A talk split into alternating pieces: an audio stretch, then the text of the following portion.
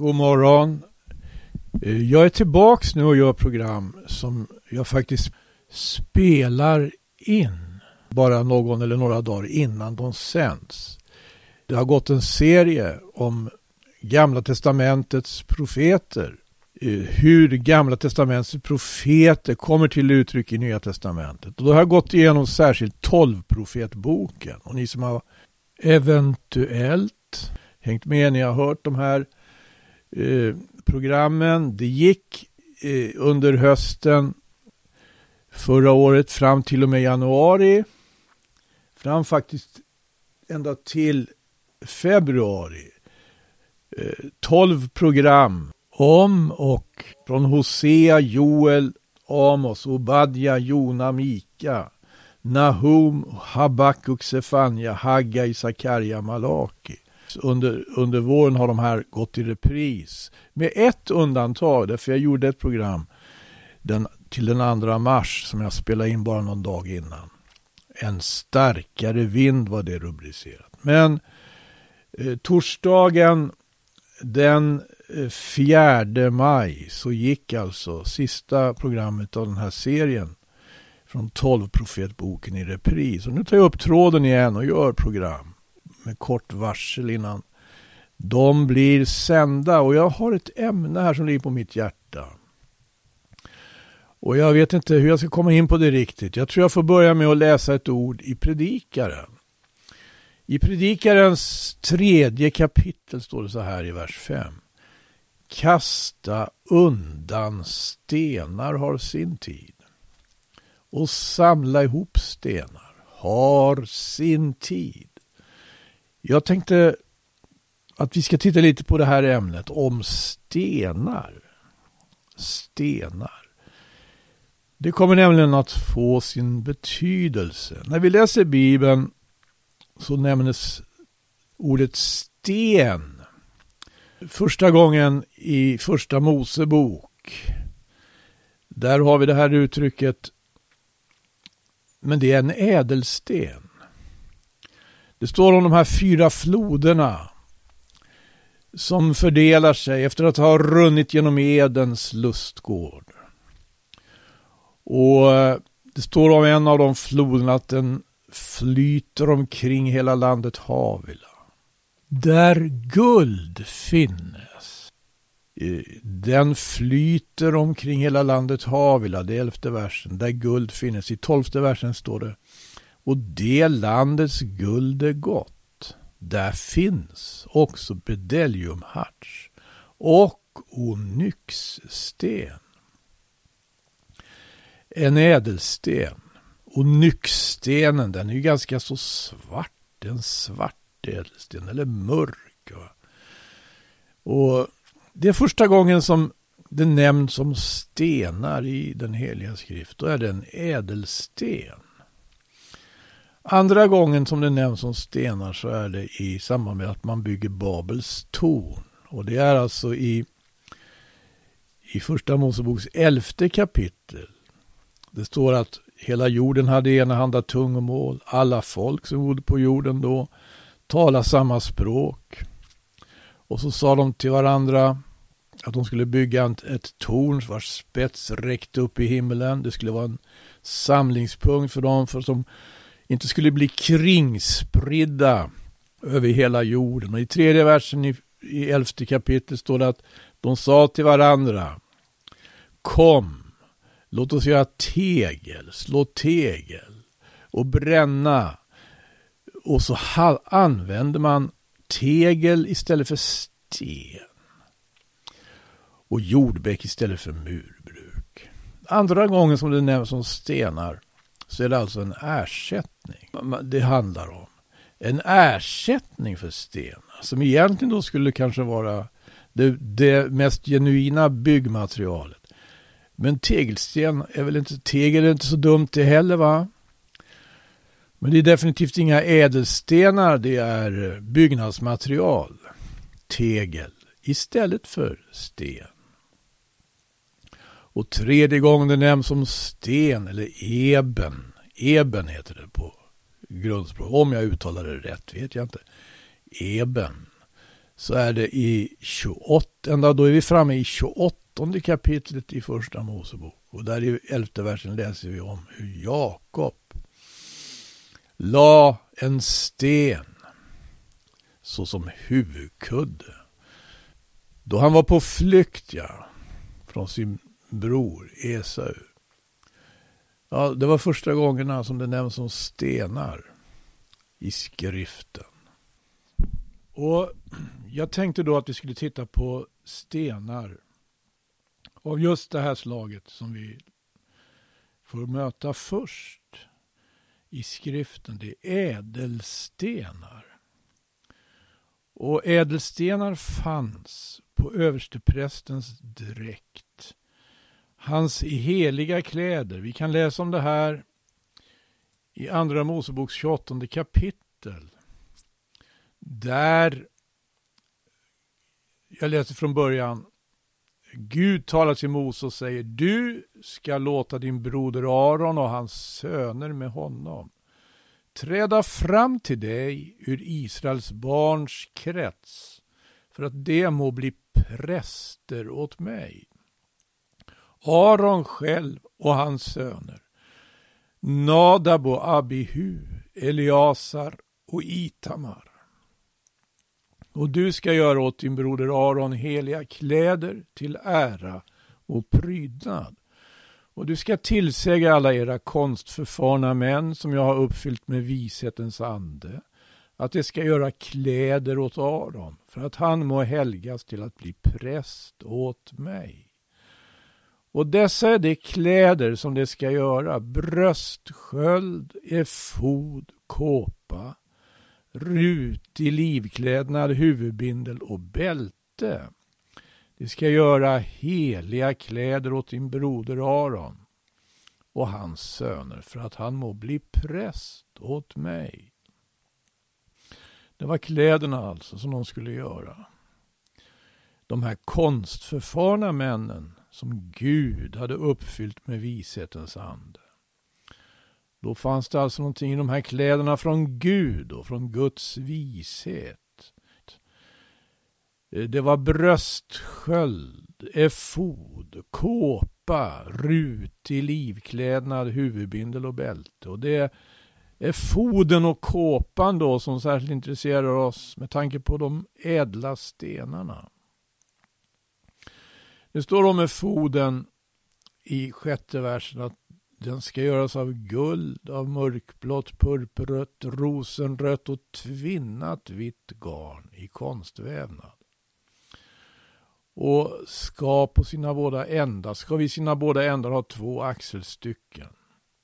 Och på de här axelstyckena ska alltså onyxstenarna sitta. Det var den första ädelstenen vi mötte ja, i Bibeln. I landet Havila. Och nu det var någonstans en gång innan allting skakades genom syndafallet. Det står i nionde versen att du ska ta två onyxstenar och på dem inrista Israels söners namn. Och av namnen, sex av namnen på den ena stenen och de sex övrigas namn på den andra stenen efter ett följ med stensnidarkonst så som man graverar signetringar. Israels söners namn ska vara på de här två stenarna. Och dessutom så har vi domskölden, eller jo, som den kallas här, domskölden i femtonde versen. En domsköld ska du göra i konstvävnad. Du ska göra den i samma slags vävnad som är fodern av guld och av mörkblått, purpurrött, rosenrött och tvinnat vitt garn ska du göra den. Den ska vara liksidigt fyrkantig och ha form av en väska, ett kvarter lång och en, ett kvarter bred. Låt mig säga det att det här med en väska, det får stå för 1917. Jag, jag finner inte det i någon annan översättning, utan det översätts som en fyr. Hörning. Och ett kvarter eller vara 12-13 centimeter. 12,5 centimeter gånger 12,5 centimeter. och du ska besätta den med infattade stenar. Och det är inte bara onyxstenar utan det är tolv olika ädelstenar som kommer att räknas upp här. På överste prästens kläder, överste prästen.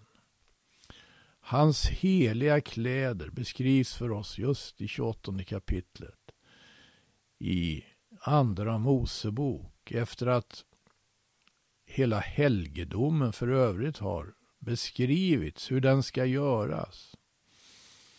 Med tabernaklet, med förgården, med altaret, med alla tillbehör. Och det ska ju vara ett rum som kallas det heliga i tabernaklet och ett annat som kallas för det allra heligaste. Och här har du översteprästen i Israel då. Här fick översteprästen i Israel sin plats för att, ut, för att utföra sin tjänst. Tanken på översteprästen den blir ju väldigt kontroversiell då. Väldigt smärtsam för Jesus själv och för de första, hans första efterföljare. När den som var, efter, den, den som var överstepräst i Israel på den tiden då Jesus och hans lärjungar vandrade fram blev själva liksom huvudmotståndare. Han bars ju upp av olika partier och särskilt några partier var ju väldigt hetska mot Jesus och hans lärjungar. Det var ju fariseerna. De skriftlärde för övrigt generellt och saduceerna var inte heller så roliga alla gånger. Men särskilt fariseerna och de skriftlärde ansatte Jesus väldigt hårt. Och till slut så och smidde planer om att ta hans liv och till slut ledde det till att de här planerna förankrades också hos översteprästerna. Översteprästerna i Israel. Som fick vara, men på ett ganska så då eh, mystiskt sätt. Det var ju faktiskt så att översteprästen skulle lägga sina händer på offerdjuren som bars fram på Guds altare. Och i viss mening så fick de här översteprästerna också göra det. De la sina händer på Jesus, Guds lam, innan han bar fram sitt offer.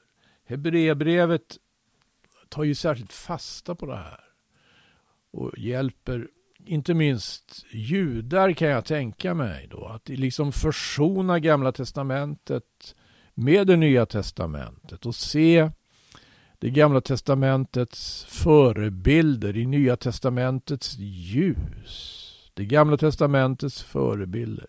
Och de här förebilderna som Moses stadgade om. Det som tillhör den som protestanterna talade om den så kallade ceremoniallagen. Reformationens banerförare på 1500-talet. De gjorde den åtskillnaden när de Eh, ägnas åt Guds lag, att det var dels ceremoniallagen och dels sedelagen. Sedelagen handlar om relationerna mellan människor. Du ska älska din nästa så som dig själv och så vidare. Du ska icke dräpa, du ska icke begå äktenskapsbrott, du ska icke ljuga. Det här är sedelagen, Men ceremoniallagen, det är just en del av lagen och den är inte så ringa, den är ganska omfattande som handlar om gudstjänsten i Israel. Just gudstjänsten, just tabernaklet, helgedomen, just prästerna, de smorda prästerna och leviterna. Och då har Hebreerbrevsförfattare antagit utmaningen att liksom förklara det här med översteprästen. Inte efter, om vi säger budens stadgelag. Budens stadgelag tog Jesus med sig upp på korset. Enligt Efesierbrevets andra kapitel och femtonde vers, där det heter så. Ty i sitt kött gjorde han om intet budens stadgelag. Budens stadgelag, stadga, stadga, chock på hebreiska, eller dogma på grekiska. Stadga, det var särskilt då, då det som stadgades som gudstjänsten. För relationen mellan människor stadgades inget om, utan då fanns det något som hette bud, buden. Men stadgan handlar om gudstjänsten. Och som vi har sett så har översteprästen då enligt stadgelagen, budens stadgelag, en väldigt central plats här. Men Hebreerbrevets författare tar, tar, tar, fasta på begreppet överstepräst och presenterar eh, det begreppet e-, enligt skriftens löfteslinje om vi säger så. Inte enligt budens stadgelag för då skulle han få ägna sig endast åt Aron. Endast åt prästerna efter Arons sätt. Utan efter löftena, löfteslinjen. Och då finner denne författare till Hebreerbrevet ett mycket intressant ställe i den 110 salmen. Och i, i, i, när han inleder sin undervisning och går igenom eh, de första kapitlerna, skriver de första kapitlerna, Eh, så liksom eh, på något vis så får han så matchar han fram den här tanken med översteprästen. Och när han eh, eh, försvarar Jesus ställning som Guds son för det gör han verkligen. Och han citerar andra salmen och han citerar andra ställen i skriften som styrker det här att Jesus, dels är han Messias, dels är han Guds son. Det finns en psalm han citerar. Eh, jag tror att det är väl den 45 salmen. Det står så här i Hebreerbrevets första kapitel, åttonde vers. Vad Gud säger om sonen. Gud, din tron förblir alltid och evinnerligen och rättvisans spira i ditt rikes spira. Du har älskat rättfärdighet och hatat orättfärdighet. Därför, o Gud, har din Gud smort dig med glädjens olja mer än dina medbröder. Gud smorde Gud det här stället anför Hebreerbrevsförfattaren som ett bevis för att Jesus eller Messias är Guds son. Och ett annat är alltså hämtat från den 110 salmen. I slutet av kapitel 1 i Hebreerbrevet så står det i 13 versen. Till vilken av änglarna har Gud någonsin sagt Sätt dig på min högra sida till dess jag har lagt dina fiender dig till en fotapall. Just den här 110 salmen har ju sin särskilda betydelse för Hebreerbrevets författare. Och i andra kapitlet så, eh, så liksom lyfter han bara fram det här i slutet av kapitlet. Jag läser från 14 versen där. Då nu barnen, Israels barn, hade blivit delaktiga av kött och blod blev och han på ett liknande sätt delaktig därav för att han genom sin död skulle göra dens makt om intet som hade döden i sitt våld. Det är djävulen. Och göra alla den fria som har fruktan för döden hela sitt liv igenom hade varit hemfallna till träldom. Ty det är ju icke änglar som han tar sig an. Det är Abrahams säd som han tar sig an. Därför måste han i allt bli lik sina bröder för att han skulle bli barmhärtig och en trogen överstepräst i sin tjänst inför Gud till att försona folkets synder. Plötsligt så har vi bara det här begreppet om att Jesus är en överstepräst. Och utan någon direkt här hänvisning till något ställe. Till något skriftens ord. Ty därigenom att han har lidit i det han själv blev frestad kan han hjälpa dem som frestas. Och Hebreerbrevets författare fortsätter att arbeta med det här begreppet. Det står i början av tredje versen, tredje kapitlet. Därför ni helige bröder, ni som har blivit delaktiga av en himmelsk kallelse, ska ni akta på vår bekännelses apostel, sändebud apostel och överste präst Jesus. Fortfarande utan någon bestämd hänvisning så, så, så presenterar han Jesus på fullt allvar som överste präst. I vilken mening då? Jo, eh, han kommer steg för steg in på det. I fjärde kapitlet så är det så att det avslutas också med det här. Eftersom, står det i 14 versen, eftersom vi nu har en stor överstepräst som har farit upp genom himlarna, nämligen Jesus, Guds son, så låt oss hålla fast vid bekännelsen. För vi har inte en sån överstepräst som inte kan ha medlidande med våra svagheter, utan en som har varit frestad i allting liksom vi, dock utan synd. Låt oss därför med frimodighet gå fram till nådens tron för att vi må undfå barmhärtighet och finna nåd till hjälp i rätt tid.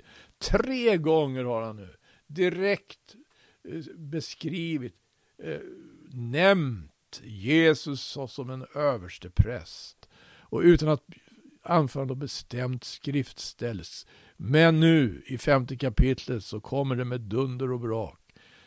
Därför då då påminner han om vad som överhuvudtaget är en översteprästs roll på det här sättet. Vi läser i början av femte kapitlet. Ty var och en som ska bli överstepräst uttages bland människor och tillsättes för att till människors bästa göra tjänst inför Gud genom att frambära gåvor och offer för synder.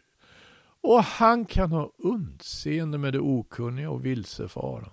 Just därför att han själv är behäftad med svaghet och för denna sin svaghets skull måste offra för sina egna synder lika väl som för folket. Så ingen tar sig själv denna värdighet. Utan han måste såsom Aron kallas därtill av Gud. Och det läste vi ju om Aron, att han blev verkligen kallad av Gud när Gud sa till Mose du ska låta din broder Aron och hans söner med honom träda fram till dig ur Israels barns krets. Här har vi någonting som stämmer både med Aron och med Jesus. Det gäller att vara kallad av Gud. Att bli överstepräst. Det heter vidare i femte versen kapitel 5 i Hebreerbrevet. Så tog sig icke heller Kristus själv äran att bli överstepräst, utan den äran tillföll honom genom den som sa till honom, du är min son, jag har idag fött dig, alltså psalm 2. Lika som han och på ett annat ställe säger, du är en präst till evig tid efter Melkisedeks sätt. Och då är det den 110 salmen. Han citerade den 110 salmen i första kapitlet. Denne som har författat Hebreerbrevet. Men han tog bara med eh, inledningen där. Sätt dig på min högra sida. Alltså Herren sa det till min Herre. Det är också det här, liksom i 45 salmen, Gud har smort Gud. I 110 salmen, Herren har talat till Herren. Sätt dig på min högra sida. Till dess jag har lagt dina fiender dig till en fotapall. Din makt spira ska Herren uträcka från Sion. Du ska härska mitt ibland dina fiender. Villigt kommer ditt folk. När du samlar din här i helig skrud kommer din unga skara inför dig. Så som daggen kommer ur morgonrodnadens sköte. Herren har svurit och ska icke ångra sig. Amen. Vers 4 i psalm 110. Herren har svurit och skriker ångra sig. Du är en präst till evig tid efter Melkisedeks sätt. Efter Melkisedeks sätt. Tänk. Efter Melkisedeks sätt. och inte efter Arons sätt. Det var någonting som gick att jämföra här. Både, både, både Jesus, världens frälsare, och Aron, Israels överste präst, måste kallas av Gud för att gå in i ett överste prästligt ämbete. Finns vissa saker som påminner om varandra, finns andra saker som radikalt skiljer sig från varandra. Då vi gör en jämförande, ett jämförande bibelstudium här med Aron, översteprästen med Israel, vilket jag inte tänker göra. Det är bara det första programmet och jag presenterar ämnet stenar på detta sätt. Jag kommer att tala om stenar. Och det kommer inte att handla så att säga mest om just det här med Jesu översteprästliga ämbete. Men det är naturligtvis en stor och intressant, ett stort och intressant område. Men så här långt kom vi idag. Jag tackar för uppmärksamheten.